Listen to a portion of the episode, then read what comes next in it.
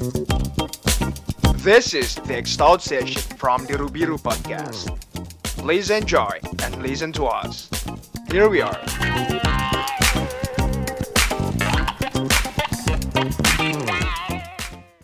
Welcome to our first episode of the Extalled session with the Azra as your host.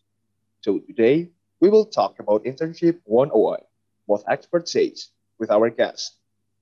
He graduated from mechanical engineering of Brawijaya University at 1998. Now he works as technical expert and maintenance, planning and warehouse advisor at PT Badak NGL, Bontang Plant Site, East Kalimantan. So please welcome Pak Putra Penny Luhur Wibowo. Hai, Assalamualaikum. Hai Pak, Waalaikumsalam. Uh, Pak Luhur, bagaimana kabarnya Pak? Alhamdulillah. Baik-baik. Kebetulan Sabtu Minggu ini kena lockdown ini Bontang. Gimana Pak keadaan yang di Bontang di sana Pak? Perihal uh, pandemi seperti ini. Kalau di komplek kan udah terbiasa di lockdown kami ya. Di komplek itu sejak Maret kemarin udah di lockdown. Keluarnya juga Tangnya yang di lockdown dua hari. Mengikutin kayak di Jawa Tengah mungkin. Seluruh Kaltim ini kayaknya kena juga. Hmm. Uh, pandeminya ya ah, setelah tahun baru lumayan tinggi. Kemarin aja uh, ada yang naik sampai 190 orang. Wow, wow. Ya Indonesia ternyata di semua daerah juga um, rate-nya lagi tinggi juga ya untuk kasusnya. Um, mungkin untuk dari iya. keluarga Bapak sendiri itu uh, kondisinya bagaimana Pak? Di Bontang? Iya, Alhamdulillah uh, kami di kompleks sehat-sehat itu uh, nggak ada kendala, uh, kesehatannya juga terjaga. Uh, apa uh, kita tidak boleh banyak-banyak interaksi memang dibatasi walaupun kita kerja normal di kantor juga ada beberapa yang work from home ketika ada yang disuspek untuk apa uh, COVID gitu. Untuk uh, perusahaan Bapak sendiri di masa pandemi ini uh, kondisinya bagaimana ya Pak? Apakah ada pengaruh yang cukup signifikan gitu Pak? Kalau untuk perusahaan sih awal-awal dulu ya yang apa seperti terkaget-kaget gitu karena hampir uh, beberapa hampir separuh lah di work from gitu. Padahal kilang kan harus beroperasi 24 jam gitu. Jadi uh, ada beberapa apa uh, key personal yang harus dikarantina di dalam komplek. Ada kita ada mes gitu. Jadi di karantina di situ ketika ada maintenance uh, kilang harus ready gitu. Itu selama dua minggu. Tapi setelah itu kami uh, treatment seperti pemerintah aja, uh, tapi lebih diketatin aja uh, saat jam kerja aja yang boleh berinteraksi. Begitu sampai kantor kan udah menyebar ke kilang, jadi nggak banyak ngumpul banyak orang gitu. Dan Oke, sampai Pak. saat ini masih ketat untuk masuk ke komplek PT Badak sendiri. Uh, dari kami mungkin uh, semoga nanti entah itu keluarga ataupun lingkungan perusahaan dan Bapak sendiri semoga sehat-sehat selalu ya di Bontang sana. Oke Pak, uh, kalau begitu, ya, amin ya. Kita masuk ke topiknya, yaitu tentang internship, ya. tentang magang. Uh, mungkin pertanyaan di awal adalah saya ingin bertanya nih ke Bapak. Menurut Bapak sendiri, sebenarnya apa sih yang bisa dilakukan seorang mahasiswa khususnya ya, jika mereka tuh memutuskan untuk melakukan magang di suatu perusahaan. Iya, uh, bagi saya pribadi ya, karena dulu juga pernah menjadi mahasiswa dan itu kan suatu kewajiban karena di KRS juga kita tulis sebagai PKL gitu. Dan kalau kita nggak melakukan juga nilainya nanti nol kan nggak lulus lulus nanti. Nah uh, dari situ diusahakan kalau magang jangan asal magang gitu loh. Maksud saya ya carilah yang sekalian bagus kalau dapat gitu. Maksudnya bagus di sini ya perusahaannya gitu. Eh, perusahaan bagus kan definisinya banyak juga ya. Apakah bagus dari benefitnya dari safety-nya dari culture perusahaannya atau seperti apa gitu. Nah beberapa teman-teman mahasiswa itu kalau sudah keterima magang atau kerja praktek itu pengennya buru-buru gitu. Buru-buru selesai terus cepat pulang kumpul lagi teman-teman gitu. Padahal menurut saya Eh, untuk nyari magang aja udah susah gitu loh. Harus ngelamar sana ngelamar sini minta tanda tangan dekan. Ya kalau tanda tangan sehari jadi gitu. Kan bisa seminggu dua minggu. Udah dapat tanda tangan dekan kita apply ke perusahaan lah apply ke perusahaan kan kalau kita door to door kayak apa ya? Kayak spekulasi gitu. Oh. ya minimal kita harus ada apa introduction dulu lah. Kalau ada yang kenal di perusahaan tersebut Pak ada nggak yang sekira-kira kita kalau PKL di sini potensi untuk diterima atau apa? Gitu. Itu lebih lebih cepat untuk prosesnya. Daripada door to door nanti ditolak bikin lagi tolak bikin lagi suratnya. Kan take time banget gitu. Jadi seperti itu ya. Oke. Nah tadi saya cukup tertarik nih Pak dengan apa yang Bapak sampaikan mengenai durasi dari magangnya juga. Nah, menurut Bapak sendiri, sebenarnya ideal seorang mahasiswa itu melakukan magang itu berapa lama sih Pak? Uh, mungkin di silabus universitas juga sudah dibahas ya berapa sih yang harus dilakukan gitu gitu ada yang sebulan ada yang dua bulan bahkan ada yang ini baru saya tahu kalau magang sampai empat bulan gitu. Bahkan ada yang enam bulan. Nah, di PT Bada itu welcome aja, mau sebulan juga ada, mau satu setengah bulan ada, mau dua bulan juga ada. Standar di kami maksimal itu dua bulan. Dua bulan itu uh, nanti datang pertama itu proses batching. Itu bisa tiga hari empat hari. Coba udah potong kan kalau sebulan nanti tinggal berapa hari itu proses batching itu uh, screeningnya yang lama di security. Nanti harus bolak balik gitu. Kalau sudah dapat batch baru orientasi orientasi umum. Uh, kalau misalnya nanti di seksi saya di maintenance nanti akan kita orientasikan ke operation, ke technical, ke procurement dan lain-lain. Itu bisa memakan waktu dua minggu atau 10 hari kerja gitu. Berarti kan sudah kepotong hampir dua minggu ya, dua minggu lebih dengan proses batching gitu. Nah, nanti uh, diskusi dengan pembimbingnya apa yang harus diambil, apa yang harus diteliti itu nanti bisa memakan waktu uh, sama ambil data itu bisa ambil waktu dua minggu sampai tiga minggu. Hmm. Habis itu ya take time-nya bikin laporan. Nah, di badak itu kan kilang. Sayang sekali kalau buru-buru gitu loh. Kalau kita dikasih waktu dua bulan ya ambil dua bulan, ambil ilmu banyak-banyak di kilang.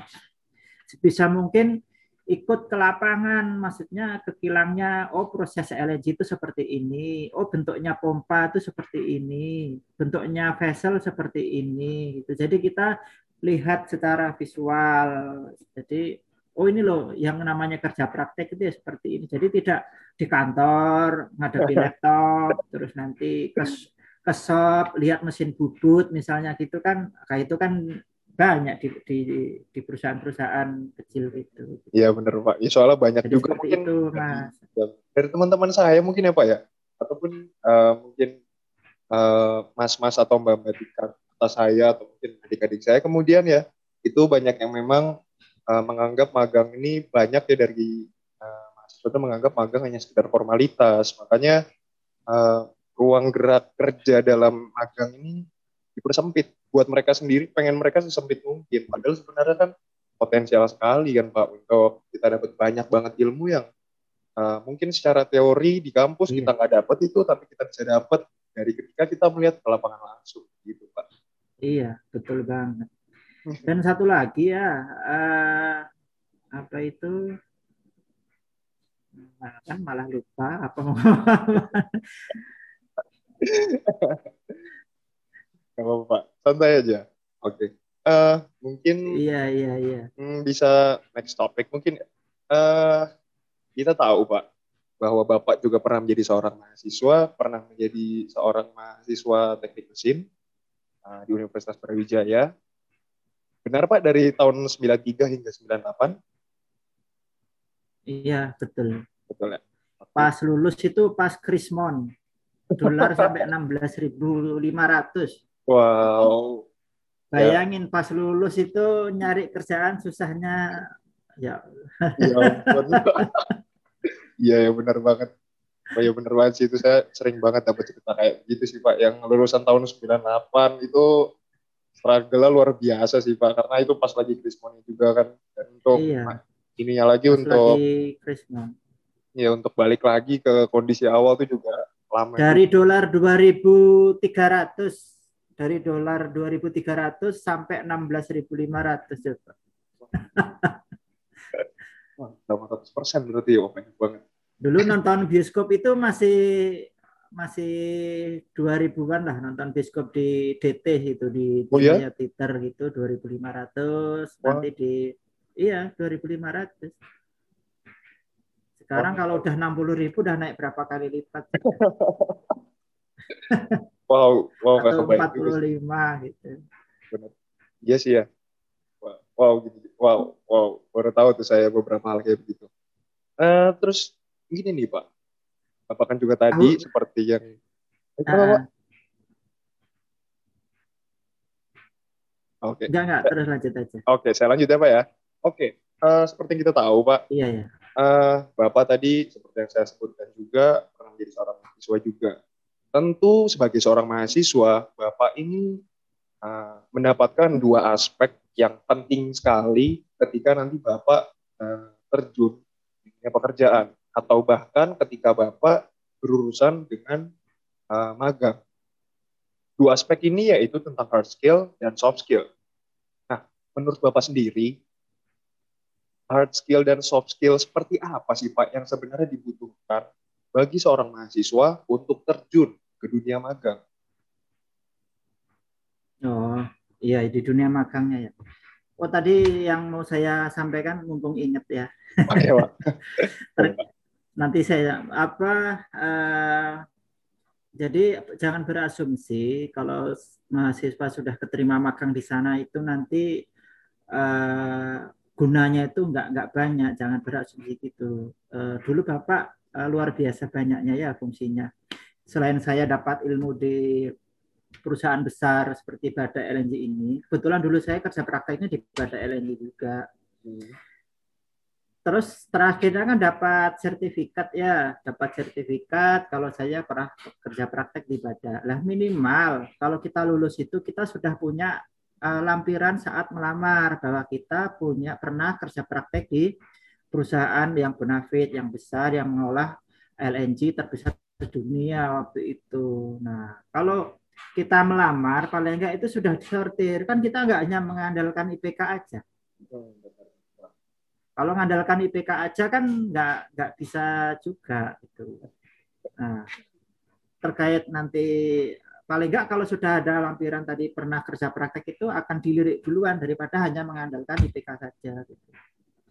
Menurut saya seperti itu. Nah terkait hard skill sama soft skill itu ketika magang ya apa eh, kita pinter-pinternya berinteraksi ya soft skillnya itu eh, bagaimana kita eh, berinteraksi dengan pembimbing terutama. Karena jujur saja eh, ketika ada mahasiswa yang magang di sebuah perusahaan itu akan eh, menyita waktunya pembimbingnya untuk membimbing gitu di mana hari-hari dia sudah dibebani kerjaan uh, kantor, kerjaan lapangan, kemudian ujuk-ujuk ketok itu tok tok tok tok, Pak bisa masuk gitu. Oh ya silahkan kita. Nah, sementara saya itu sudah hampir membimbing mungkin ada 50 bahan mahasiswa ya baik dari berbagai universitas perguruan tinggi gitu. Ya karena kita diamanai sebagai pembimbing eh, baik dari kampus maupun dari HRD ya kita ya dengan legowo dengan ikhlas membimbing gitu kan malah bisa diskusi gitu ilmunya saat saya kuliah sama yang sekarang baru kan pasti ada perkembangan juga dong uh, ya. seperti ini seperti ini gitu. Nah, mungkin kalau teknik mesin juga nggak banyak berubah, tapi terkait uh, misalnya teknik industri gitu. Saya kan uh, sebelumnya basicnya teknik mesin ya, kemudian ke warehouse harus banyak belajar uh, apa warehouse, supply chain, terus hitung-hitungan estimasi uh, inventory dan lain-lain. Nah, dengan kedatangan mahasiswa baru yang teknik industri kan bisa saling diskusi. Walaupun saya basicnya nggak teknik industri kan bisa ini loh realnya seperti ini di kami itu implementasinya. Nah, mbaknya bawa ilmu teknik industri seperti apa, kira-kira mau belajar apa gitu. Jadi seperti itu. Nah, hard skillnya ya uh, kita lihat hari-hari itu day to day-nya seperti apa dia uh, bekerjanya untuk ambil ngerjakan tugasnya itu gitu. Dan saya perhatikan itu ya itu sangat saya sayangkan dia banyak di ruangan hanya ngadepi laptop itu. Kurang berinteraksi sama karyawan sama pekerja. Hanya kalau dibutuhkan aja oh itu. Padahal kalau banyak ngobrol juga lebih bagus nanti di di mes atau di kos-kosan kan bisa dilanjut pekerjaan yang dia sendiri gitu. Maksud saya ya sekalian udah masuk di suatu perusahaan kita jalin networking lah sama bapak-bapak itu. Ya siapa tahu nanti setelah lulus bisa nanya-nanya gitu seperti apa gitu. namanya silaturahmi kan bisa nambah rezeki kan gitu kan. Iya pak. Benar jadi pak. seperti itu mas. Oke pak. Uh, oke okay, perihal magang tadi sama soft skill. Lalu kemudian uh, mungkin uh, ini mungkin sepengetahuan bapak aja mungkin ya. Atau mungkin perusahaan uh, perusahaan yeah. secara umum bapak boleh memberikan uh, insight seperti itu. Sebenarnya ada nggak sih parameter suatu perusahaan itu untuk uh, menerima seorang mahasiswa yang ingin melakukan magang ke perusahaannya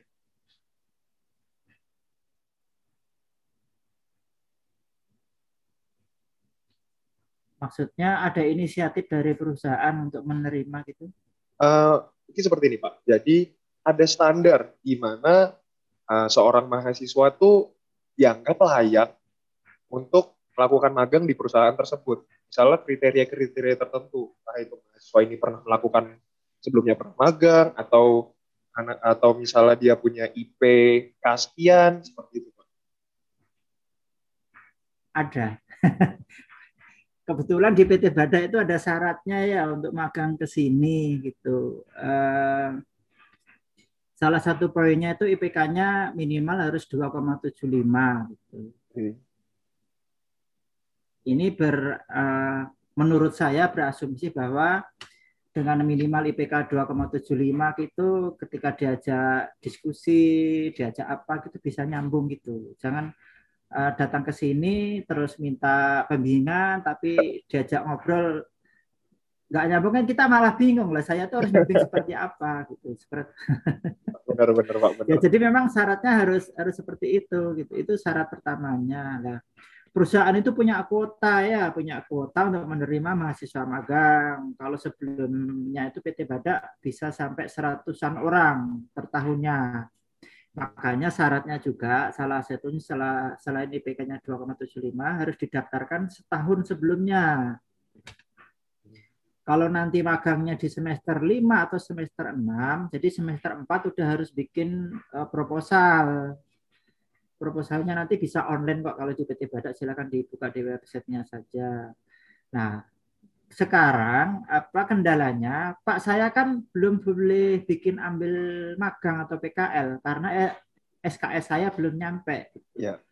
Saya sudah sampaikan ke pihak jurusan ya, tolong kalau yang magang ke tempat saya dikasih apa ya kebijakan gitu loh karena kami menerima itu setahun sebelumnya untuk dijadwalkan gitu. Misalnya kirim lamaran bulan September atau Oktober, terus tiba-tiba Januari ada yang slot ya alhamdulillah kan berarti tiga bulan aja ya, ya. bisa masuk. Tapi kalau slotnya itu penuh kan setahun berikutnya berarti kan September tahun berikutnya gitu. Jadi itu asumsinya itu memang tiap tahun itu dibatasi karena keterbatasan mes, keterbatasan pembimbing gitu.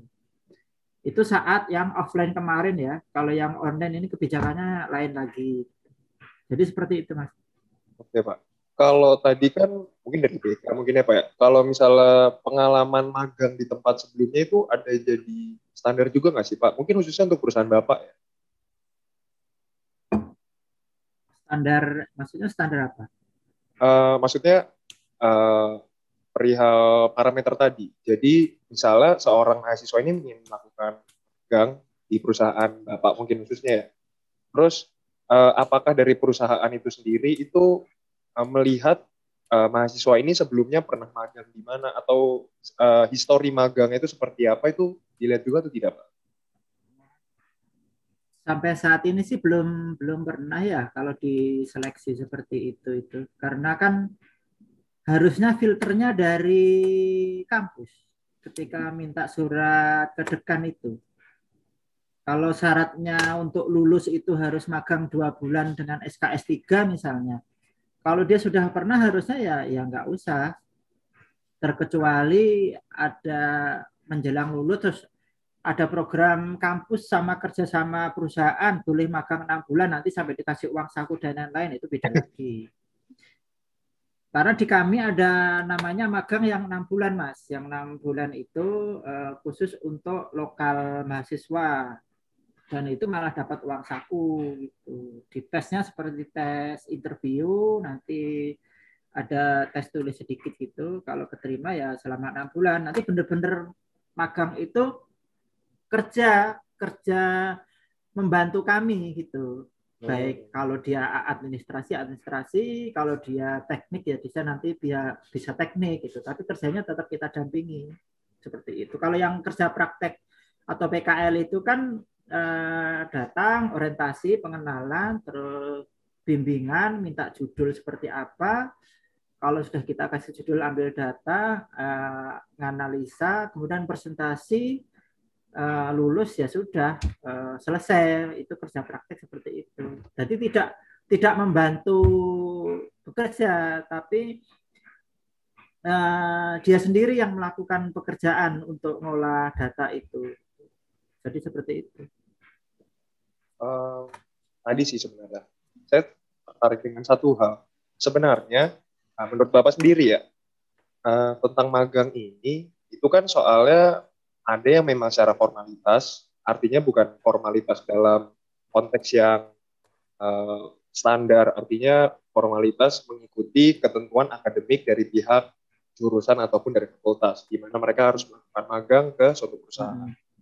Uh, dan banyak juga dari teman teman-teman mahasiswa ini yang melakukan magang secara sendiri, perseorangan. Artinya mereka berinisiatif untuk melakukan magang hmm. sendiri. Nah, menurut pandangan Bapak, ketika melihat mahasiswa-mahasiswa yang seperti ini, yang ingin melakukan magang secara perseorangan atas hasil inisiatif sendiri, menurut Bapak ini waktunya kira-kira kapan ya Pak yang tepat ketika mereka mulai untuk mau magang secara perseorangan gitu Pak?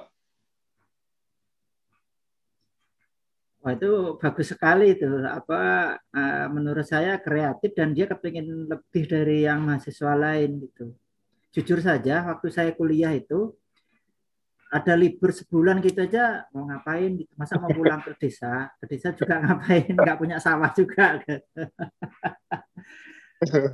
Akhirnya uh, saya ikut kursus ya, ikut kursus di BLK Singosari uh, kursus uh, mekanik sepeda motor gitu. Bayar sendiri uh, dengan beberapa teman sekitar lima atau tujuh orang waktu itu di BLK Singasari kursus mekanik sepeda motor gitu. Kemudian kalau liburnya semester pendek, saya magang ke MPM, MPM Bengkel Honda atau Ahas lah sekarang. Itu di sekitar kayu tangan situ. Itu saya kursus seminggu gitu. Itu juga inisiatif saya sendiri gitu.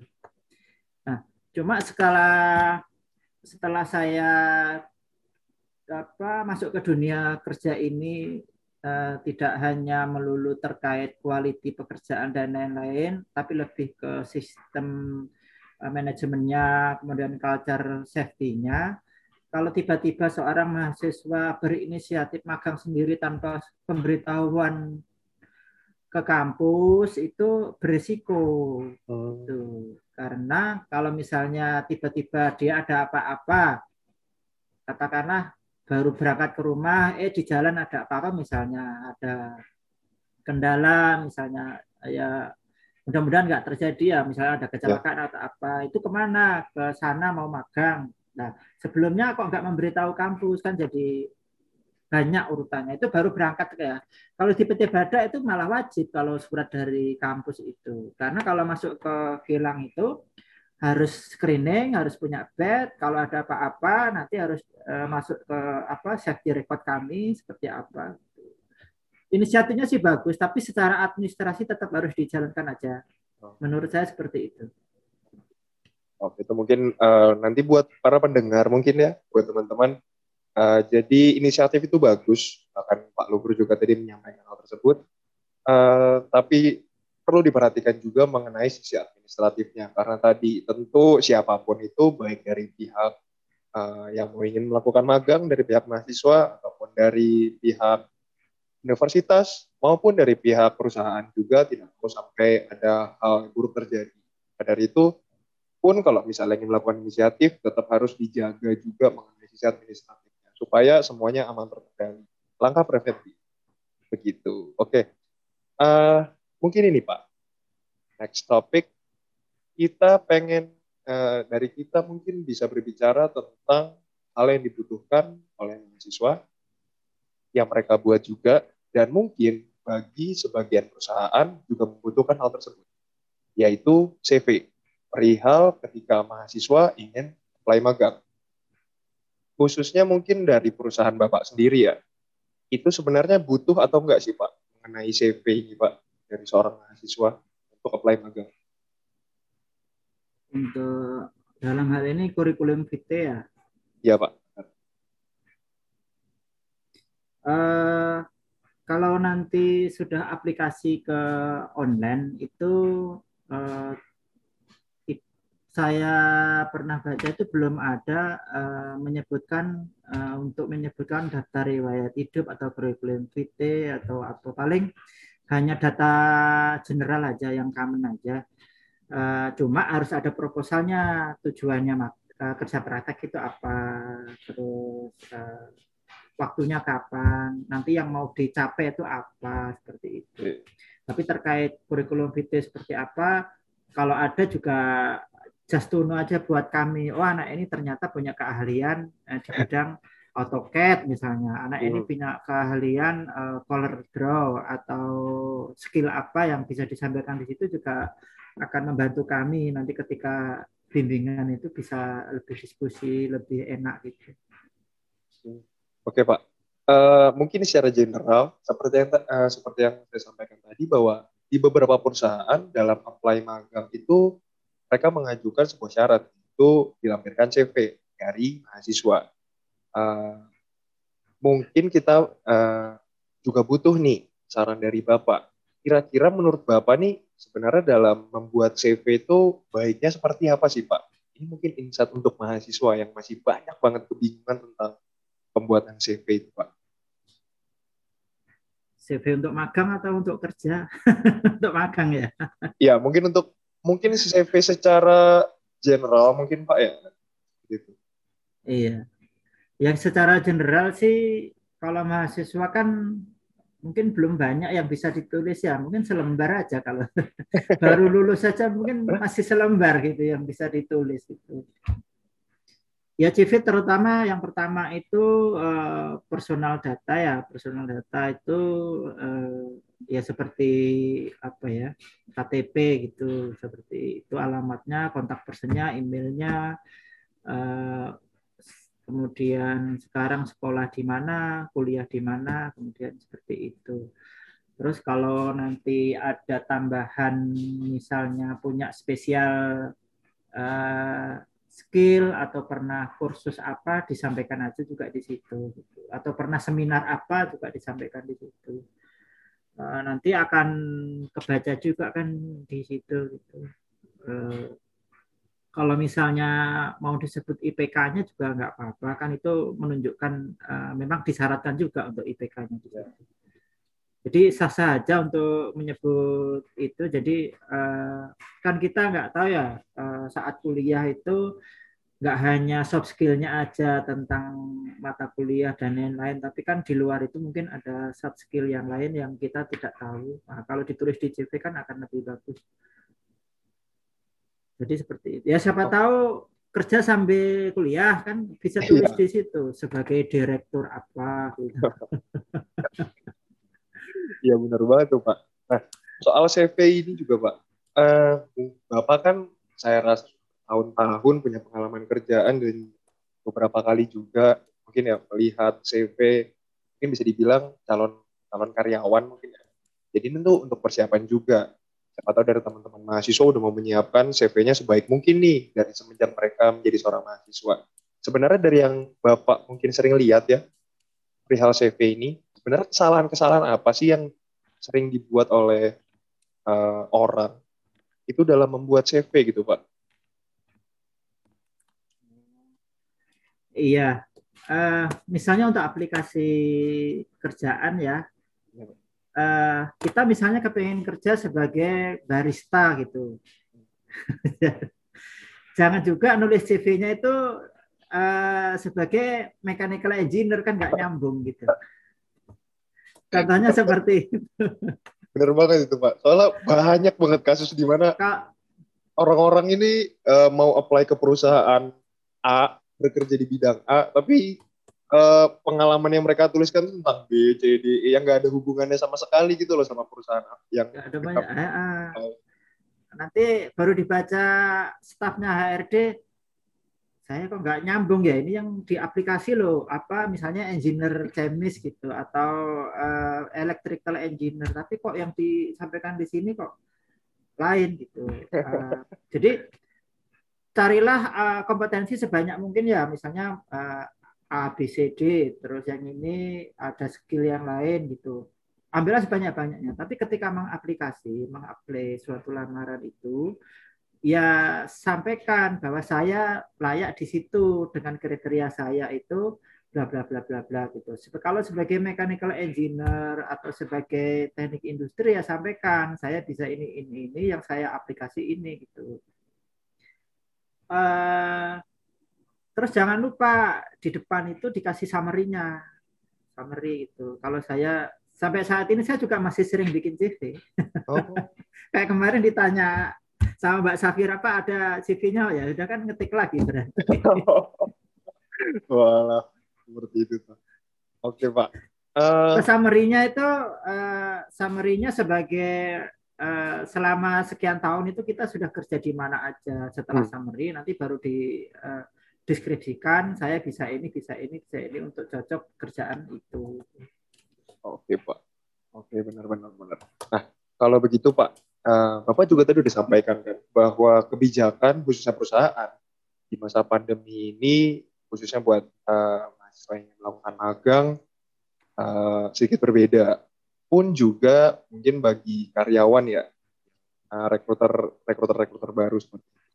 Sebenarnya dalam uh, mungkin apply itu entah itu magang atau apa pun itu sebenarnya jelas tentu ada kode etik dalam pengiriman misalnya email pak dan banyak sekali mahasiswa atau orang umum sekalipun itu banyak sekali yang mereka melakukan kesalahan dalam pengiriman uh, format via email yang tentunya berhubungan kode etik. Menurut Bapak sendiri, atau secara garis besar, itu kode etik itu seperti apa sih Pak sebenarnya dalam pengiriman format uh, apply yang berbentuk email itu Pak? Kalau sekarang udah network ya, jadi semuanya by digital. Kalau zaman iya. saya dulu harus pakai pos. Iya. saya dulu ngelamar kerjaan itu sampai 65 lamaran. Jadi hampir tiap Sabtu oh. Minggu itu ke kantor pos. Terus hari Sabtu itu beli apa beli koran, beli koran, Jawa Pos atau Kompas nyari lowongan. Sekarang kan tinggal depan laptop sudah bisa melihat uh, itu. Nah, terkait kode kode etik uh, email yang ditujukan ke sebuah perusahaan uh, saya rasa dibuat uh, resmi ya. Dibuat resmi uh, apa tunya itu ke HRD nanti CC-nya bisa ke reference.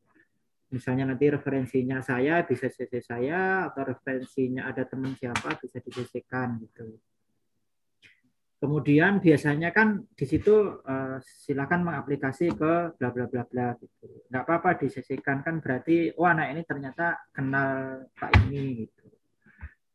Ya dikasih aja introduction uh, salam pembuka misalnya ya bisa ya terhormat kepada siapa yang nulis surat uh, secara resmi gitu.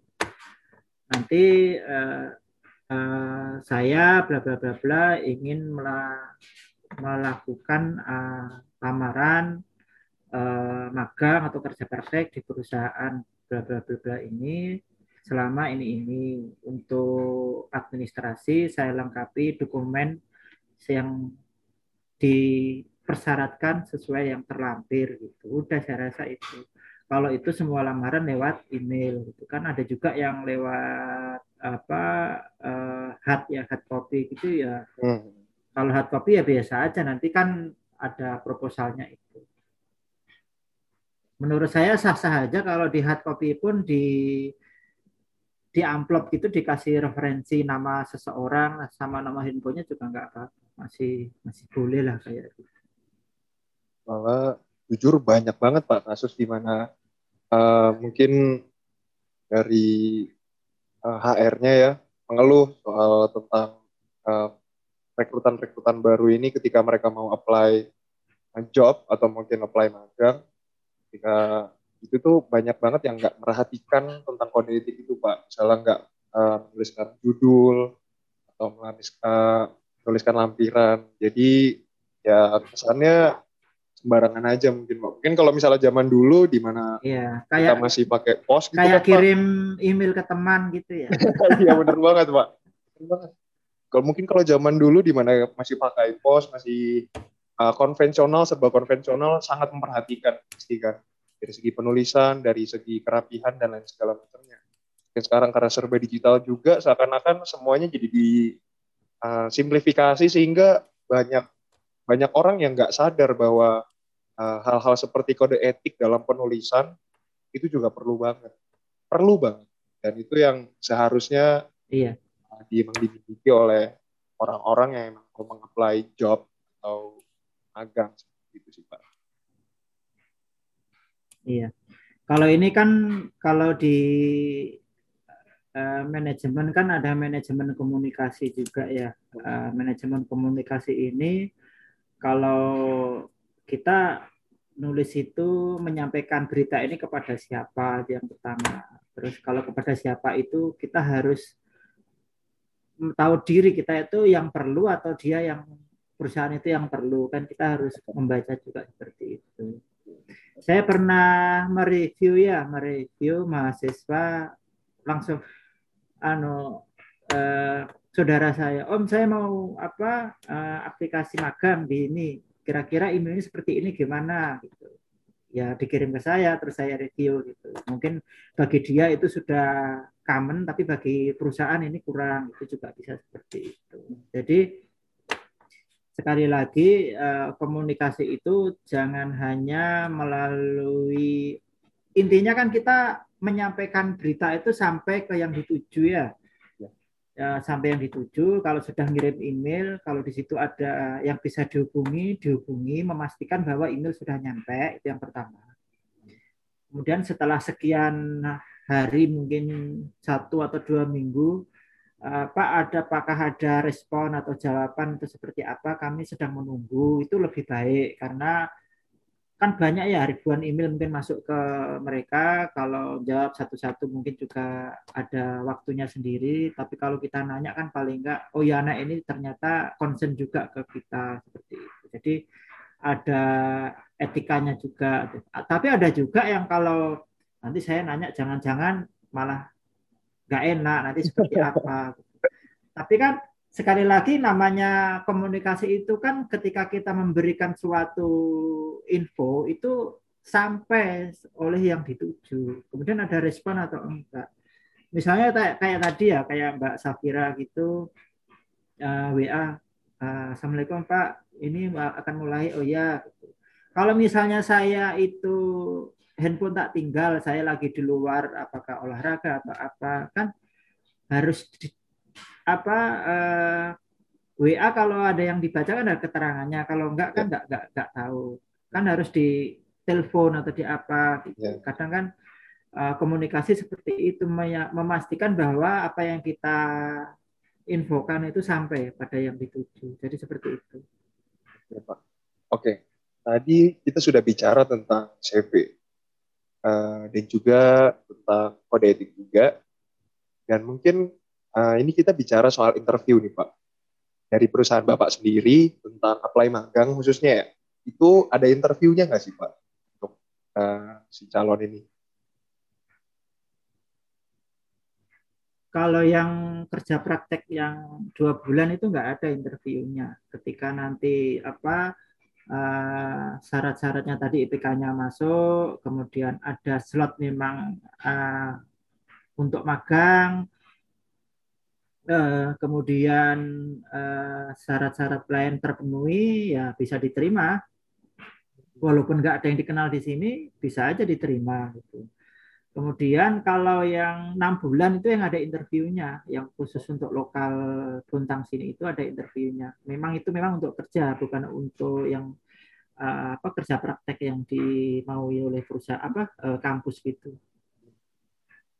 Oke, khususnya di beberapa perusahaan ya, itu memang ketika apply magang juga ada interviewnya.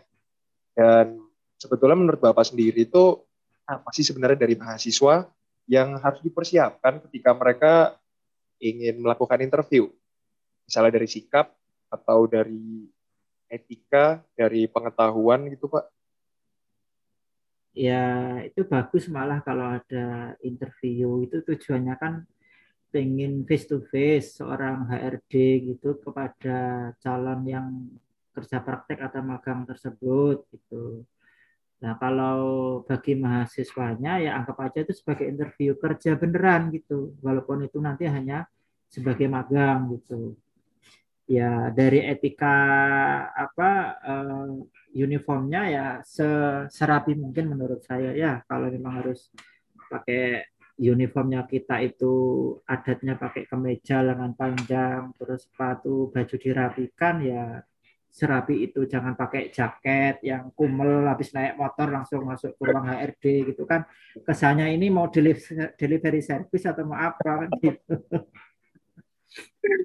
Sebisa mungkin ya sebelum interview itu masuk ke toilet aja. Penampilan saya itu sudah rapi apa belum gitu. Acak-acakan apa enggak gitu jadi seperti itu. Kemudian kalau memang di interview ya sebenarnya yang digali itu uh, personalnya aja. Yang digali itu personalnya paling enggak ya introduction dari mahasiswa itu dari mana kemudian bidang jurusannya apa kemudian kepingin seperti apa gitu. Enggak enggak banyak sebenarnya yang ditanya. Kecuali kalau yang kerja mungkin akan screening security. Kalau di Badak itu sekarang mungkin sampai didatangi sampai ke rumahnya sampai tanya ke RT yang bersangkutan benar enggak sih si siapa siapa namanya Mas Haiful ya? Iya Pak, uh, nama saya Azra Pak. Benar nggak sih? Oh Azra ya. Iya. Benar nggak sih si Azra ini di RT 4 Kelurahan Blimbing misalnya?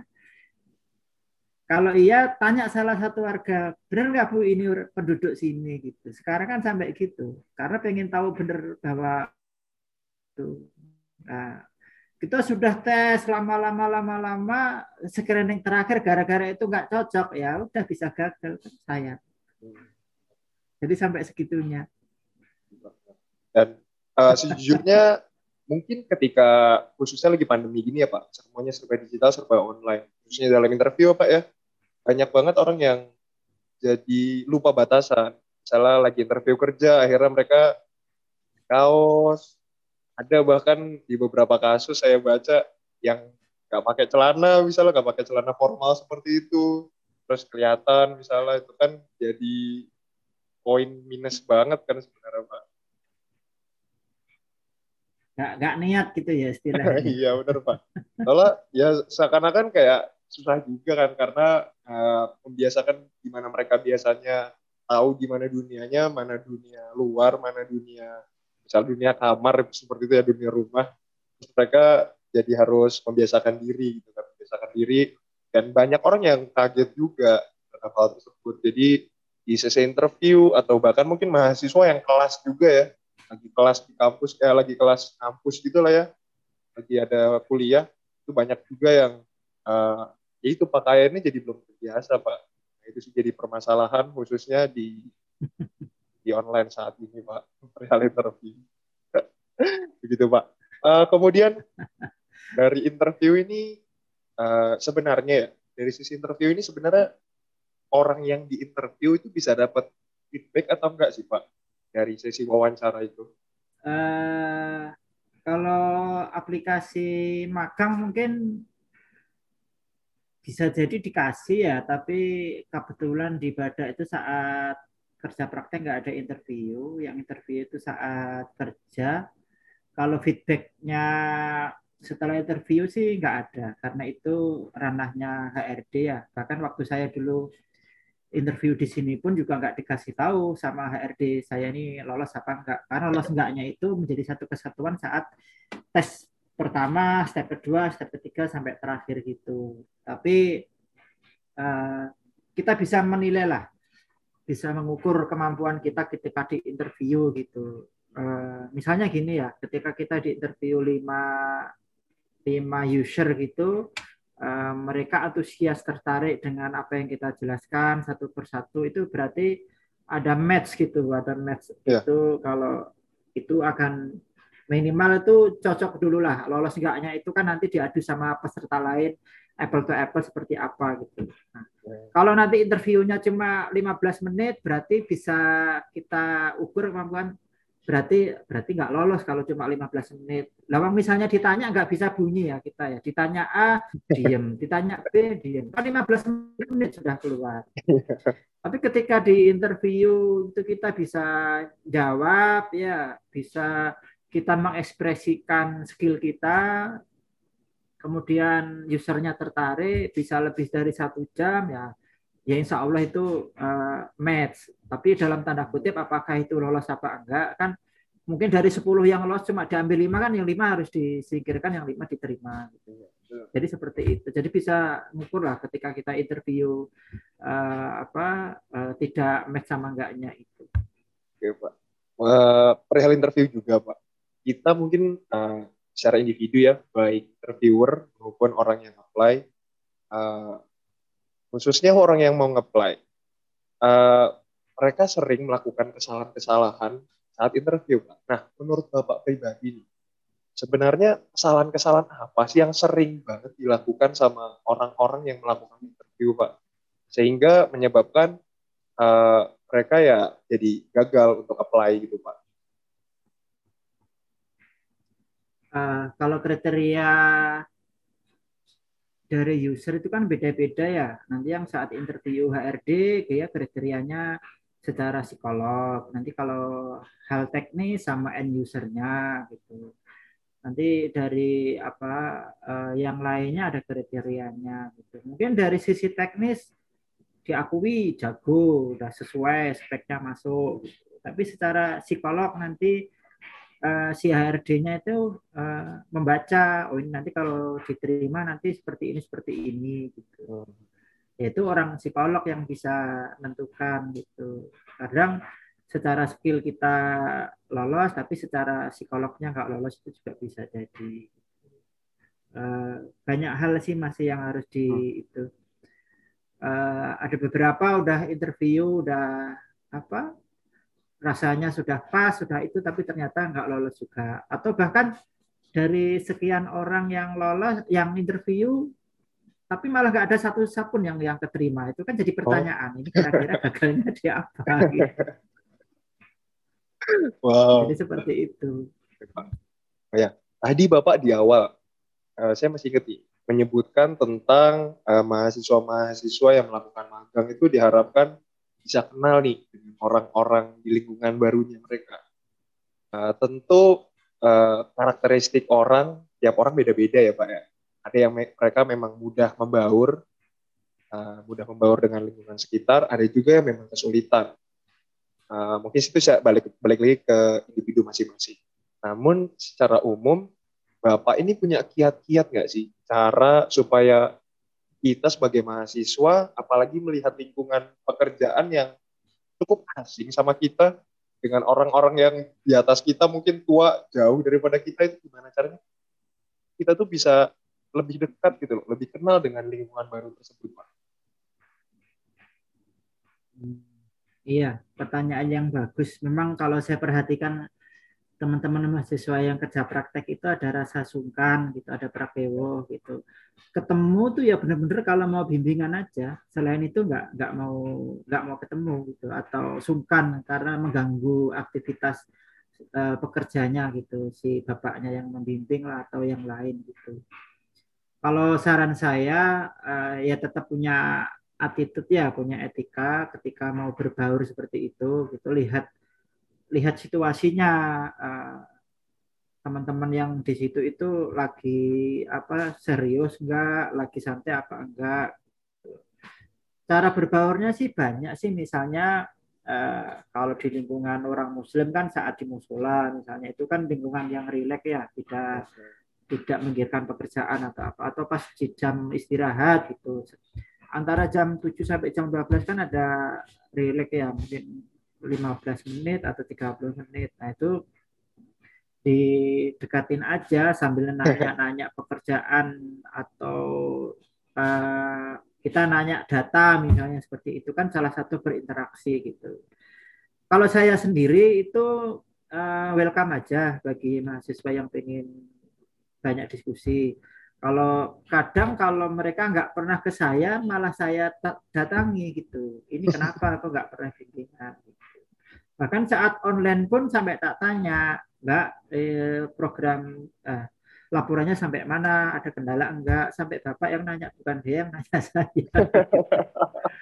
Bahkan kalau sudah apa kan mereka ngumpul ya, ngumpul di satu ruangan mungkin tiga ya. sampai lima orang itu ya saya ajak ngobrol mungkin nggak terkait dengan apa laporan tugasnya, tapi hal-hal yang umum, misalnya tentang kondisi PT Badak secara umum atau kondisi Bontang atau dunia kerja setelah lulus nanti seperti apa gitu. Bahkan beberapa apa teman mahasiswa itu sudah lepas dari bimbingan saya ketika saya ke kota mana ada yang bisa saya hubungi saya ajak ketemuan mereka udah lulus sudah kerja gitu kan asik kayak reuni antara pembimbing sama yang dibimbing kalau saya masih masih bisa menjalani seperti itu. Oke. Uh, masih perihal tentang uh, adaptasi nih, Pak. Khususnya bagi mahasiswa yang melakukan magang, tadi mungkin satu hal tentang berkomunikasi dengan lingkungan baru, beradaptasi juga. Tentang kultur perusahaan. Tentu di masing-masing perusahaan punya kulturnya masing-masing yang berbeda-beda dan khusus sebagai seorang mahasiswa ketika melakukan magang, tentu mereka sebelumnya tidak tahu nih kultur perusahaan di mana mereka melakukan magang tersebut. Kira-kira uh, dari mahasiswa ini bagaimana sih cara mereka supaya mereka bisa paham tentang kultur perusahaan sehingga tidak melakukan kesalahan-kesalahan yang kemudian bisa jadi berakibat fatal perihal kultur perusahaan tersebut. Mungkin ya. Salah satu contohnya itu ada seperti misalnya jam makan siang. Itu jam makan siang itu ada beberapa perusahaan di mana jam makan siang itu di satu waktu tertentu. Jadi sebelum jam makan siang dan setelah jam makan siang itu, itu sebagai seorang karyawan atau pekerja di sana itu uh, misalnya nggak boleh konsumsi makanan tertentu atau makanan berat sehingga kalau misalnya kita makan itu dapat peringatan seperti itu dan kemudian itu di sama ratakan dengan mahasiswa yang sedang magang. Nah itu sementara kita nggak tahu nih kultur-kultur perusahaan seperti ini. Nah ini ada masukan kayak ya dari Bapak supaya nggak kaget gitu dari mahasiswa. Iya iya, ini juga baru kali ini ada apa yang aturan makan seperti itu. Tapi uh, sebenarnya uh, ketika ada seorang tamu yang datang ke perusahaan, kalau di PT Badak contohnya ya, uh, baru nyampe di sini itu sudah langsung hari berikutnya itu dikasih briefing gitu. Kalau di sini namanya uh, introduction terkait culture-nya perusahaan ya, nanti terkait uh, safety culture-nya, terkait uh, apa uh, quality culture-nya dan lain sebagainya gitu. Nah, makanya kita ada proses tiga hari yang proses badging itu bikin bed bed untuk bisa masuk itu. Salah satunya nanti dikasih safety passport. Safety passport itu terkait hal-hal yang safety itu dikasih briefing, mungkin bisa satu jam atau dua jam terkait rule-rule apa saja yang boleh dan tidak boleh dilakukan di sini. Nah, di situ juga nanti dijelaskan. Misalnya kalau di kilang PT Bada itu masuk yang di kantor Bapak kan zone zone 2. Ya. Kalau masuk kilang itu zone 3. Jadi ketika masuk zone 2 itu boleh pakai handphone, hmm. boleh pakai safety apa sepatu cat, boleh pakai baju uh, mahasiswa atau webpack gitu. Tapi ketika masuk zone 1 itu udah mandatori ya, nggak boleh bawa handphone atau alat yang mematikan api, kemudian nggak boleh bawa senjata, sepatu harus safety, pakai helmet, pakai airplug dan lain-lain. Nah, ketika itu dilanggar itu yang tidak diperbolehkan. Nah, itu sudah harus disampaikan di awal gitu. Ada beberapa mahasiswa itu kalau ikut saya ke kilang, saya ingatkan tolong handphone disimpan dulu di ruang saya nggak apa-apa pakai earbud pakai helmet pakai sepatu pakai webpack gitu uh, kadang udah kita ingatkan masih lupa ternyata handphonenya tipis gitu. Nah, ketika di pos security digeledah ketemu. Nah itu kan jadi bikin malu. Selain malu pembimbing juga malu dari perguruan tingginya gitu. Contohnya seperti itu.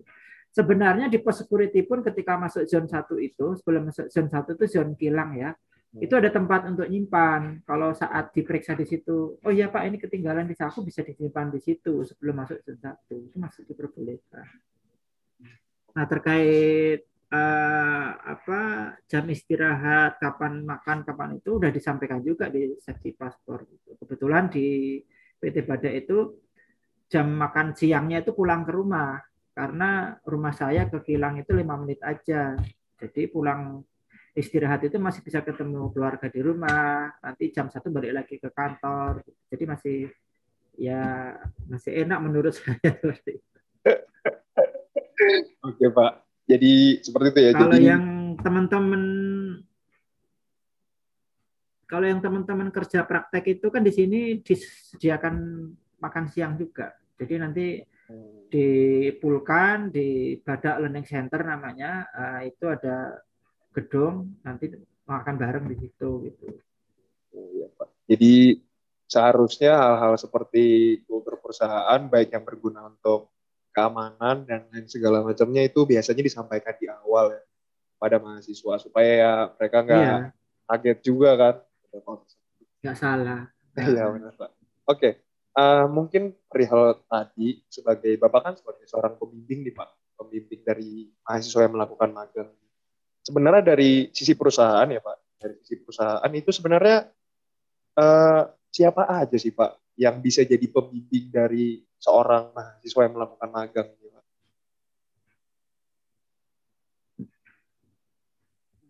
Ya bagus itu. Kebetulan saya juga yang ngatur pembimbing siapa ini yang cocok siapa gitu.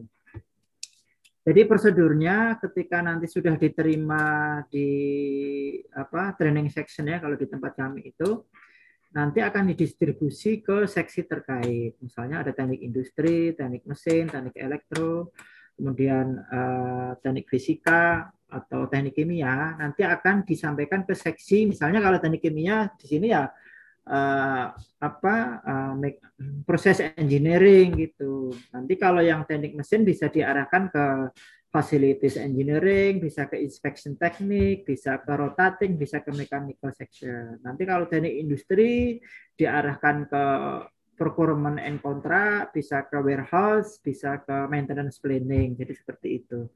Nah, nanti pembimbingnya akan dikoordinir oleh koordinator training di seksi. Misalnya ada lima mahasiswa. Dulu di inspeksi, waktu saya di inspeksi itu bahkan setahun bisa sekali datang 20 mahasiswa coba. 20 mahasiswa, engineer-nya ada lima misalnya. Berarti kan tiap tiap engineer bisa bimbing empat orang gitu, empat orang atau bahkan lebih. Eh, Kalau engineer-nya 10 pas berarti kalau 20 kan dua orang dua orang. Nah, nanti tinggal didistribusi aja. Jadi seperti itu. Kalau nanti dia teknik uh, industri bisa ke warehouse atau ke maintenance planning, nanti yang cocok siapa? Itu di situ kan ada seorang supervisor atau seorang engineer gitu. Oke, Pak. Uh, untuk Bapak sendiri nih, sudah lama kan tentunya uh, menerima mahasiswa-mahasiswa yang melakukan magang ke perusahaan Bapak. Nah, dari Bapak sendiri ini menurut Bapak sendiri dari mahasiswa ini tentunya sering melakukan kesalahan-kesalahan entah itu minor ataupun mayor saat, saat mereka melakukan magang. Dari yang Bapak observasi selama ini, kesalahan apa sih Pak yang sebenarnya paling sering dan mungkin bisa jadi yang paling fatal ya yang sering dilakukan oleh mahasiswa ketika mereka, mereka melakukan magang itu Pak? Uh, selama ini belum pernah nemu ya di PT Badak yang sampai fatal hmm. misalnya harus sampai apa diberhentikan nggak lanjut magang atau apa gitu. Hmm. Ya pernah sih ada yang tadi saya sampaikan itu lupa bawa handphone gitu. Tapi setelah diklarifikasi bisa diampuni gitu misalnya gitu. Atau pencurian gitu nggak ada atau melanggar uh, ketika dia ke lapangan harus sama bimbingnya ada yang membimbing gitu di lapangan gitu jadi tahulah mana yang do mana yang dun gitu. Jadi uh, lebih terarah gitu. Nah kalau sudah di luar jam kerja itu yang susah kita kita kontrol gitu. Karena kan dia bisa tinggal di mesnya kita gitu. nah kebetulan di lingkungan komplek kami kan ada speed detector ya. Kalau naik kendaraan nggak boleh lebih dari 40 itu di beberapa lokasi ada gitu. Nanti kalau dia melanggar sampai 41 42 aja itu udah ada besok kena surat cinta dari HRD itu. Paling enggak nanti pembimbingnya akan dipanggil. Ini ada anak bimbingannya melebihi speed seperti ini gitu. Ya nanti kita ya urusannya seperti itu nanti. Dari Pak. Selama ini belum ada yang yang yang fatal. Kalau ada yang pernah pulang itu biasanya sakit parah gitu atau ada emergensi gitu. atau kalau pas pandemi seperti ini tiba-tiba uh, sudah masuk offline pandeminya naik akhirnya harus apa uh, online gitu itu kan karena sikon ya nggak nggak karena kesalahan sama mahasiswanya. Ya, Pak. Oke nih kalau begitu dari bapak sendiri nih Pak kira-kira ada pesan-pesan khusus nggak sih mungkin untuk yang mahasiswa yang melakukan magang supaya mereka nih dalam masa magangnya ini bisa berjalan dengan optimal. Mereka bisa dapat banyak hal baru yang sebelumnya mereka nggak bisa dapat di kampus begitu Pak. Oh iya, baik buat teman-teman mahasiswa mahasiswi yang kepingin magang atau kerja praktek di sebuah perusahaan itu uh, mencari tempat kerja praktek itu tidak mudah ya. Itu yang pertama. Ketika nanti kita sudah punya sasaran perusahaan yang akan dituju kalau sudah keterima yaitu di ditekuni di bener-bener oh iya saya niat untuk melakukan kerja praktek. Jangan seenaknya aja. Nanti sudah keterima sana mentang-mentang jaraknya dekat sama rumah misalnya ke Probolinggo nanti bisa apa seenaknya jam kerja nanti pulang atau seperti apa Kemudian setelah sampai di perusahaan itu, ya ikuti culture-nya seperti apa gitu. Kalau tidak jelas, mending tanya ke pembimbingnya, Pak saya boleh ini enggak, Pak saya boleh ini enggak gitu. Itu lebih lebih kita sifat kehati-hatian daripada kita melakukan suatu pekerjaan yang ternyata dilarang atau tidak boleh atau bahkan nanti fatalnya sampai dipulangkan ke kampus itu kan nama jelek kampus juga kena atau terbawa-bawa Nah, setelah sampai uh, perusahaan pun ya tolong di di apa uh, rajin tertib gitu ya. Karena saya itu setiap akhir anak magang atau kerja praktek itu membuat penilaian yang kriterianya itu ada 10 mulai etikanya, mulai kedisiplinannya, mulai tata tertibnya dan lain itu ada 10. Jangan sampai saya ngasih nilai 5 Benar banget itu. Nah, uh, Kemudian tadi, setelah di perusahaan ya apa sebentar ya uh, selanjutnya uh, pengen belajar bener gitu loh pengen dalam artian ya, itu ya. saya mumpung di sini ya saya tak tak pengen lebih dalam lagi ilmu saya yang saya dapat di kampus seperti ini bener nggak setelah di perusahaan ini aplikasinya itu seperti inilah. Pasti akan ada beda-bedanya seperti itu. Nah itu tolong di, di ditekuni gitu. Jangan jangan disepelekan hal seperti itu. Karena dunia kerja sama itu kan uh, bedanya ya lumayan gitu. Setelah kerja akan beda. Jadi seperti itu. Oke pak. Baik. Kalau begitu tadi mungkin itu dari sudut pandang entah itu sudut pandang perusahaan atau sudut pandang seorang mahasiswa dalam melakukan. Oke, kita mungkin ke aspek yang eh, aspek-aspek uh, eksternal mungkin ya, aspek-aspek luar yang uh, cukup jarang dipikirkan atau cukup jarang diketahui oleh bagi mahasiswa secara umum. Uh, mungkin pertama tentang background universitas dari perusahaan nih Pak. Sebenarnya dari perusahaan sendiri itu punya kriteria khusus nggak sih? Penilaian khusus terhadap universitas tertentu di mana oh ini mahasiswa ini dari universitas A, B, C. Uh, kalau begitu akan direkomendasikan terlebih dahulu untuk, untuk diterima. Nah, kemudian dari universitas yang lain, mungkin itu nomor sekian lah seperti itu. Ada nggak sih Pak?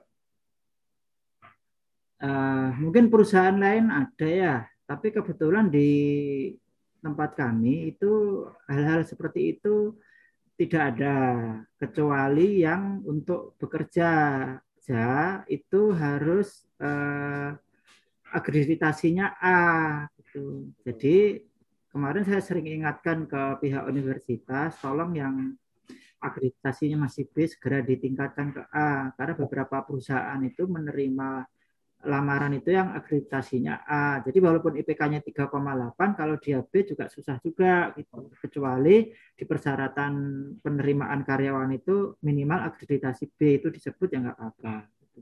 Tapi untuk magang seperti yang saya sampaikan itu PT Badak yang sebelum pandemi ini kalau nggak salah itu ada slot 100 mahasiswa gitu. Tapi 100 mahasiswa kan nggak tiap bulan bareng gitu. Bisa di dibagi gitu. Lah 100 mahasiswa itu nanti uh, bisa dari universitas mana aja. Uh, nanti kalau boleh saya share di sini ada apa persyaratan khusus untuk kerja praktek. Uh, kalau boleh saya share, saya share aja. Kalau enggak nanti bisa dibuka aja di websitenya badaklenzi.co.id nanti di situ ada apa uh, training gitu terkait training nanti ada kok itu PDF-nya seperti apa. Jadi seperti itu. Oke Pak, kalau begitu kita mungkin bisa berbicara tentang paid internship atau magang yang dibayar. Uh, sebenarnya uh, karena ada beberapa magang, meskipun itu formal dari akademik universitas, ketentuannya seperti itu, tapi ada beberapa perusahaan yang memang uh, membayar para mahasiswa yang melakukan magang tersebut karena dianggap mereka melakukan pekerjaan juga sama seperti karyawan yang lainnya sebenarnya ketika pun seorang mahasiswa mendapat bayaran dari perusahaan itu etis atau tidak sih Pak ketika mahasiswa atau boleh atau tidak sih mahasiswa ini melakukan negosiasi gajinya seperti apa? Malah nego ya. Memang ada beberapa perusahaan itu yang ada namanya program ya, apakah program itu community development atau corporate social responsibility atau CSR atau yang program yang lain lah istilahnya tetap ingin menjalin hubungan baik dengan universitas bahwa perusahaan ini juga uh, apa concern dengan dunia pendidikan. Yang saya tahu itu di PT Bada ada yang namanya uh, magang selama enam bulan itu dan itu ada uang sakunya. Tapi kalau sampai ada negosiasi ini harus dikasih uang saku berapa berapa ya nggak etis dong yang perlu mahasiswa kok bukan kita gitu. kecuali kalau kita ngelap membuka lowongan kerja lah itu boleh seperti itu. Beberapa perusahaan misalnya Pertamina yang saya ketahui itu ada juga internship itu sekitar enam bulan itu dibayarin juga. Tapi yang saya pernah nanya itu ya bisa untuk makan pak katanya gitu. Kebetulan setelah dia lolos internship, lolos kuliah, ada lowongan kerja dibuka mungkin karena dia uh, masuk kriterianya salah satunya pernah punya sertifikat magang di situ alhamdulillah sekarang keterima di Pertamina. Itu kan ada nilai plusnya ketika oh. dia di situ. Oke oke oke. Oke pak. Uh, kalimat terakhir ini menarik banget pak.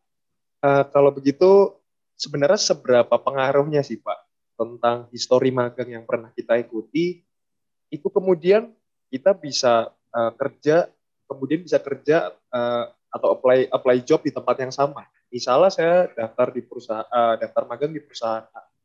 Seberapa besar sih kemungkinan saya akan kerja uh, untuk diterima diterima pekerjaan di perusahaan yang sama? Eh, pertanyaan bagus. Kebetulan ada saya sendiri kerja praktek di sini, keterima kerja di sini. Tapi setelah 10 tahun berikutnya baru keterima. Oh. Ada juga uh, mahasiswa bimbingan Bapak uh, dari sebuah universitas uh, setelah lolos kuliah, lulus kuliah, keterima kerja di tempat lain, akhirnya keterima kerja di sini. Jadi bimbingan Bapak ada yang sekarang jadi partner kerja gitu. Yang dulu saya bimbing waktu mahasiswa, sekarang setelah keterima kerja jadi partner saya kerja gitu. Nah, menurut saya itu nilai plusnya ya nilai plusnya mahasiswa ketika pernah kerja praktek di perusahaan yang bonafit yang culture safety-nya bagus yang secara nasional itu apa bonafit itu ada nilai tambahnya gitu misalnya eh, ada mahasiswa praktek di badak sini ya kita itu udah mempunyai proper goal itu sampai 10 gitu. Nah, itu kan luar biasa mana belum ada sih perusahaan yang bisa melewati itu. Alhamdulillah kami barusan dapat yang ke-10. Kemudian ada ISRS level 8 itu uh, safety culture yang di atas rata-rata perusahaan. Perusahaan lain itu sampai uh, belajar ke PT Bada untuk mempelajari safety culture-nya karena mendapatkan ISRS level 8. Nanti apa itu ISRS silakan uh, browsing di internet ya. ISRS nanti apa seperti apa gitu. Nah, ketika kita pernah magang di sebuah perusahaan yang culture-nya demikian tinggi itu kan nanti akan dilihat, oh anak ini pernah di sini, kita tahu di sana itu uh, culture-nya seperti ini. Jadi ada nilai tambahnya dibanding hanya mahasiswa yang magangnya uh, apa ya istilahnya, apalagi nggak magang kan dibanding yang magang ya saya ambil yang magang don yang udah pernah kerja praktek, udah pernah magang gitu. Karena sudah kenal hilangnya, sudah kenal uh, safety culture-nya seperti itu. Ada nilai tambahnya lah. Pasti itu pasti akan ada nilai tambah. Oh iya benar. Jadi untuk mahasiswa yang ingin melakukan magang tentu hal-hal yang sebelumnya sudah dibahas tentang kompetensi, terus tentang eh, hal-hal juga yang bisa didapat dari dunia kerja, juga tentang relasi dengan uh, para, para karyawan di sana juga dengan dengan dengan pembimbingnya ya, ya itu sangat penting karena kita juga itu meningkatkan kemungkinan bahwa suatu saat siapa tahu kita bisa apply di perusahaan tersebut dan karena kita punya kenalan di sana dan artinya kita juga sudah dikenal baik bahwa kita berkompetensi juga kapasitas dan juga uh, dipercaya juga oleh orang-orang di sana akhirnya kita juga meningkatkan uh, kemungkinan kita untuk diterima di perusahaan tersebut. Uh, baik Pak, nggak, nggak terasa nih Pak, iya. udah yeah. satu setengah jam kita melakukan podcast ini, sangat insightful sekali, sangat sekali dari Bapak, sangat insightful sekali dari Bapak, sebagai khususnya alumni dari FTUB sendiri, uh, lebih spesifik lagi yaitu alumni dari Teknik Mesin Universitas Brawijaya. Uh, terima kasih banyak Pak buat uh, kehadirannya di sini buat serta buat uh, serta sertanya juga hari-hari Sabtu begini pagi-pagi juga biasanya orang-orang banyak yang berolahraga atau main dengan keluarga tapi Bapak mau menyempatkan waktu untuk uh, ikut podcast dengan kami untuk membantu para pendengar yang khususnya dari pihak mahasiswa yang mayoritas mahasiswa FTUB itu untuk mengerti tentang bagaimana dunia magang yang sesungguhnya. Itu Pak. Baik. Oke. Terima kasih sama-sama. Uh, mudah-mudahan apa yang kita uh, diskusikan ini, kita sharing ini bisa bermanfaat buat mahasiswa ya uh, saya senang sekali bisa diajak uh, diskusi seperti ini paling enggak saya memberikan info yang update lah terkait kerja praktek atau magang di dunia uh, industri yang dilakukan oleh mahasiswa dari perguruan tinggi. Hmm, baik Pak. Oke, okay. uh, untuk Pak Luhur, semoga sehat selalu. Uh, salam juga untuk keluarga Pak. Semoga uh, uh, keluarga juga diberikan kesehatan selalu dan semoga pandemi ini cepat selesai. Semoga Bontang juga nanti kondisinya dari pandemi itu sendiri bisa lebih cepat pulih. Uh, kita doakan yang terbaik untuk diri kita masing-masing, untuk keluarga dan Indonesia. Baik, terima kasih. Amin, amin ya rabbal alamin. Okay, uh, so this is the end of this podcast, and this is the end of our first episode. Thank you for listening to us. Goodbye.